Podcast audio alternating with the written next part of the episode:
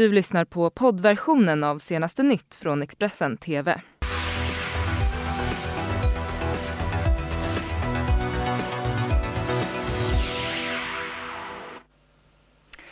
Mycket varmt välkommen hit till senaste nytt i Expressen TV denna lördag. Jag heter Anna Hedenstam och det här är våra toppnyheter. Första fallet av coronavirus nu bekräftat i Afrika samtidigt som dödssiffran i Kina nu överstiger 1500. Barnen får betala priset för den ekonomiska utvecklingen. Expressens team rapporterar från textilindustrin i Bangladesh. Så är det dags för Melodifestival igen. Elinor Svensson har tagit tempen på deltagarna inför kvällens tävling i Luleå. Välkommen. Ja, en person har nu eh, insjuknat i coronaviruset i Egypten vilket innebär att det första fallet av smittan nu har bekräftats i Afrika, rapporterar AFP. Kontinenten är relativt oförberedd och ett större utbrott skulle bli en stor utmaning enligt Världshälsoorganisationen. Samtidigt så har dödssiffran i Kina nu passerat 1500 och i smittans epicentrum, provinsen Wuhan, kämpar vårdpersonalen på de hårt belastade sjukhusen. CNN har träffat några av dessa. China has likened it to a military operation, a nation's battle against the deadly novel coronavirus. It's placed healthcare workers, doctors, and nurses on the front lines. Early on in the fight against the epidemic, Chinese state media aired emotional interviews like this one. One of the nurses explaining how she had to reassure her own parents. I always say it's okay since we are well protected. Actually, I was just saying that to give them peace of mind. We're actually afraid and worried. But as long as we're on duty, our own sense of mission will support us to do the job. While Chinese officials and state media praise the medical workers for their heroic efforts, CNN has spoken with some who feel as though they've been sent into battle without armor. As a result, they say many of their colleagues have gone from treating patients to becoming one. One Wuhan hospital nurse, who asked we not identify her, fearing repercussions for speaking with the media, told us by text Right now, it's really a problem. Our hospital has more than 100 people who are quarantined at home. She's one of them. She says a chest scan revealed that she had a suspected case of the virus. That same nurse describing to CNN the shortage of medical supplies, often being posted on China's social media site Weibo. These images, posted on state run People's Daily Weibo account, show medical personnel in a Wuhan hospital so desperate that they resorted to creating protective gear out of plastic trash bags. It's something Chinese health officials have publicly acknowledged. And even while they have ramped up production of supplies, some feel it's arriving too late. And this nurse posted that she contracted the virus and is now a patient at the same hospital where she works. The inpatient floor I live on is basically filled with colleagues from my hospital, she posted, adding, I'm afraid the virus inside my body will come out and infect these colleagues who are still standing fast on the front line. it, it is. It is a battle. We video chatted with Dr. Ivan Hung, an infectious disease doctor at Hong Kong University Hospital. He warns it is not the healthcare workers working directly with the confirmed coronavirus patients who are most at risk, but rather In those who are in the general medical ward or in the uh, emergency, accident emergency areas where they triage these patients, where they are not perhaps not aware that they are actually uh, carrying the virus. That is precisely what happened to Dr. Li Wenliang. The 34 year old Wuhan ophthalmologist contracted the virus in mid January, just two weeks after trying to sound the alarm of a then mysterious SARS like illness. Local police reprimanded him. Lee spoke with CNN briefly by phone on January 31st. Struggling to communicate, you could hear the hospital machines pulsing in the background. He died a week later. Lee's death and the fight so many healthcare workers are now enduring, a reminder of the dangers facing those tasked to stop the spread. David Culver, CNN, Beijing. Minst 15 barn har dött eh, på ett barnhem i Haiti under en brand på fredagen. Barnhemmet eh, drevs av en amerikansk välgörenhetsorganisation, rapporterar CNN. 60 barn klarade sig oskadda i branden och ett brinnande ljus eh, tros ligga bakom händelsen. Haitis president Jovenel Moise uttryckte sina sympatier på Twitter under fredagen och underströk då vikten av att snabbt hitta orsaken till branden. Och här på Expressen så fortsätter vi idag vår klimatgranskning i Bangladesh. Från en mindre textilfabrik så släpps gifter från väveriet rakt ut i en flod. Magnus Falkehed och Niklas Hammarström har besökt eh, staden Velkushi där borgmästaren säger att nästan 10 av befolkningen har en funktionsnedsättning. Barnen blir de som får betala priset för den ekonomiska utvecklingen. Alhamdulillah. আমার মেয়ের নাম তাসনিম আমার মেয়েকে আমি খুব ভালোবাসি Tasnims pappa Haji driver ett litet väveri i staden Belkuchi i centrala Bangladesh. Här blandar arbetarna kemikalierna utan skyddskläder och låter sedan gifterna rinna ut i floden eller ner i grundvattnet. Det ger inte bara flodvattnet en konstig färg. vad som är ännu mer oroande är att antalet barn som föds med olika former av missbildningar, foster och hjärnskador har skjutit i höjden de senaste åren. Handikapp som cerebral pares har blivit en epidemi i samhället.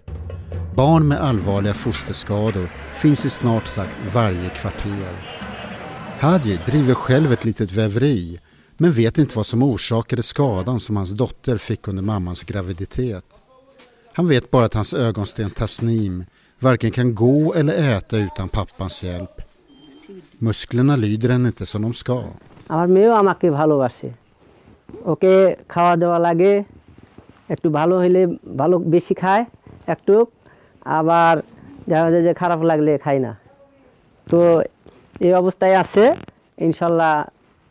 তারপরেও আমি ওকে খুব ভালোবাসি। আমারও ভালো লাগে। আমি ওর জন্য দোয়া করি যাতে ওকে আল্লাহ আরও হায়াত দারাজ করে দেয় এবং সুস্থ রাখেন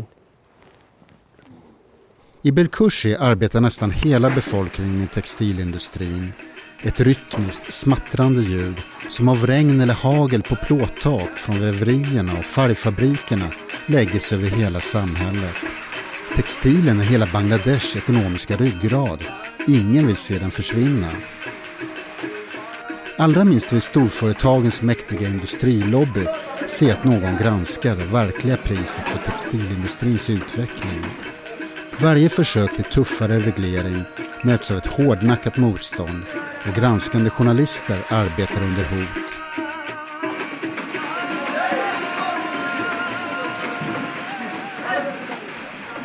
I Belkushi har därför ingen grundlig undersökning gjorts av orsaken till det skrämmande antalet fosterskador. Textilindustrins hjul måste fortsätta snurra till varje pris. Hela det här reportaget hittar du också på sajten. Så tillbaka till Sverige och här i norra Europa så var meteorologerna förvånade över att det inte kommit några större stormar i år. Men då kom Kiara och sen kom också nu Dennis. Just nu befinner sig stormen Dennis över Nordatlanten och eh, som blåsgäst väntas det bli på södra Island. Enligt Lasse Rydqvist, meteorolog på Väderinstitutet Storm, så kan det bli det djupaste lågtrycket som hittills uppmätts på Nordatlanten någonstans under helgen så skulle det här lågtrycket kunna få ett så pass lågt tryck eh, att det till och med slår nytt eh, rekord. Bara dagar efter kaoset i Kiaras spår kommer nu stormen Dennis. På vissa håll har man precis hunnit hämta sig från senaste ovädret innan den nya nu drar in över landet. Under fredagen befann sig stormen Dennis över Nordatlanten bortanför Storbritannien samtidigt som det på bilder syntes på Reykjavik gator som helt stod tomma på bilar och människor medan skolor höll stängt. Det är här som det väntas slå till hårdast. Den här kommer föras i ungefär samma bana som Kiara tog här tidigare i förra veckan. Eh, det kommer gå på något nordligare bana vilket gör det att eh, i Storbritannien så tror man inte att stormen där kommer att slå lika hårt som stormen Kiara gjorde. Då. Men under helgen väntas även Sverige drabbas. Redan på lördagen väntas Dennis svepa in och meteorologen Lasse Rydqvist menar att det kan bli rejält blåsigt in under söndagen. Den här stormen är faktiskt lite speciell på sitt egna sätt. Eh, Den här stormen Dennis i prognosen någonstans under helgen så skulle det här lågtrycket kunna få ett så pass lågt tryck eh, att det till och med slår nytt eh, rekord för nordatlantiska lågtryck. Då. Ja, det kommer blåsa upp då redan här under lördag kväll. Var rejält blåsigt både nu på söndag och på måndag återigen. Eh, inte omöjligt att vi kan få nya varningar för rejält blåsigt väder, framför allt i södra Sverige och i Västsverige.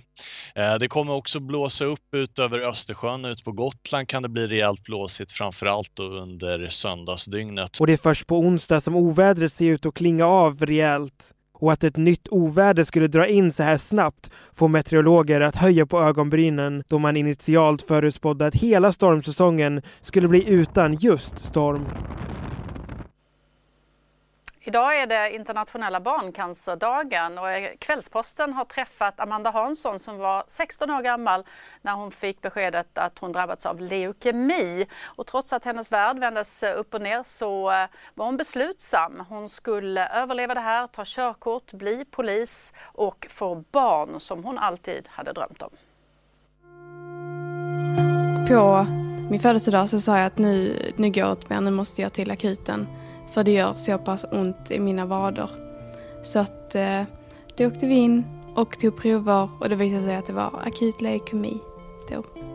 Amanda Hansson var 16 år gammal när hon fick reda på att hon hade cancer. Hon hade upptäckt blåmärken på kroppen, haft feber och hon beskriver det som växtverk som gjorde så ont att hon till slut var tvungen att åka till akuten. Och strax därpå så kom ett till mardrömsbesked. Lite senare så du fick beskedet att du hade fått en till sorts eh, cancer. Eh, det var väldigt chockande och jag blev typ eh, rädd. För det var så här, hur ska de behandla mig nu? Vad ska de göra? Men sen så tänkte jag att jag får fixa det här också. Liksom. Hur har du kämpat för att fortsätta leva? Jag har alltid tänkt på mina framtidsplaner. Vad jag vill uppnå. Att jag vill ta körkort, att jag vill få barn, resa med mina kompisar, ta studenten. Allt sånt där har motiverat mig. I skolan så är det många som inte riktigt vet hur de ska vara mot Amanda. Något som hon önskar vore annorlunda. Eh, jag upplever alla ganska rädda. Alltså de vet inte riktigt hur de ska hantera mig. De vet inte vad de kan ställa för frågor för att jag ska bli ledsen eller så här. Men jag, alltså jag vill att alla ska behandla mig normalt. För att jag är typ så här, jag är som vem som helst. Ja. Vad tror du att det beror på att de eh, behandlar, behandlar det olika? Eh, okunskap. Eh, för att jag tror inte det är så många som vet så mycket om cancer. Bara att man typ kan dö av det. Önskar du att eh, de andra eleverna skulle göra någonting annorlunda och i så fall vad?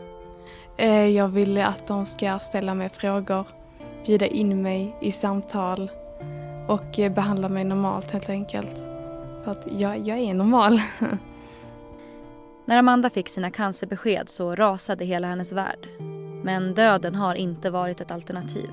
Jag känner att jag bara ville kämpa för jag tycker det är kul att kunna säga att jag överlevde cancern. Vi avslutar med Melodifestivalen för ikväll är det dags igen, den tredje deltävlingen. Samtidigt så kämpar SVT med ett problem. Vinnarlåtarna har hittills läckt och hamnat på bland annat Youtube. Trots det vill produktionen inte ändra sina regler. Alla finalister ska ha samma förutsättningar, säger producenten Christer Björkman.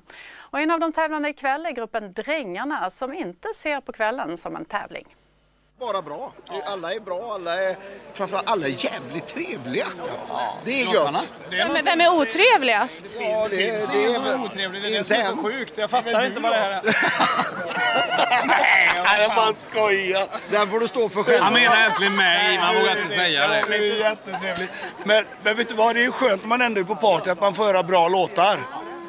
Många bra låtar här. Men alltså blir man glad för det? För att då blir det ju lite svårare, eller? Det är ingen tävling för oss det här. Vi gör det bara för det är skoj. Det är typ. gött. Det är det som är härligt. Det är faktiskt så. Det är skitsamma hur det inga tävlingsmänniskor. Inte i detta. Alltså i det här man musik är ju känslor och kärlek.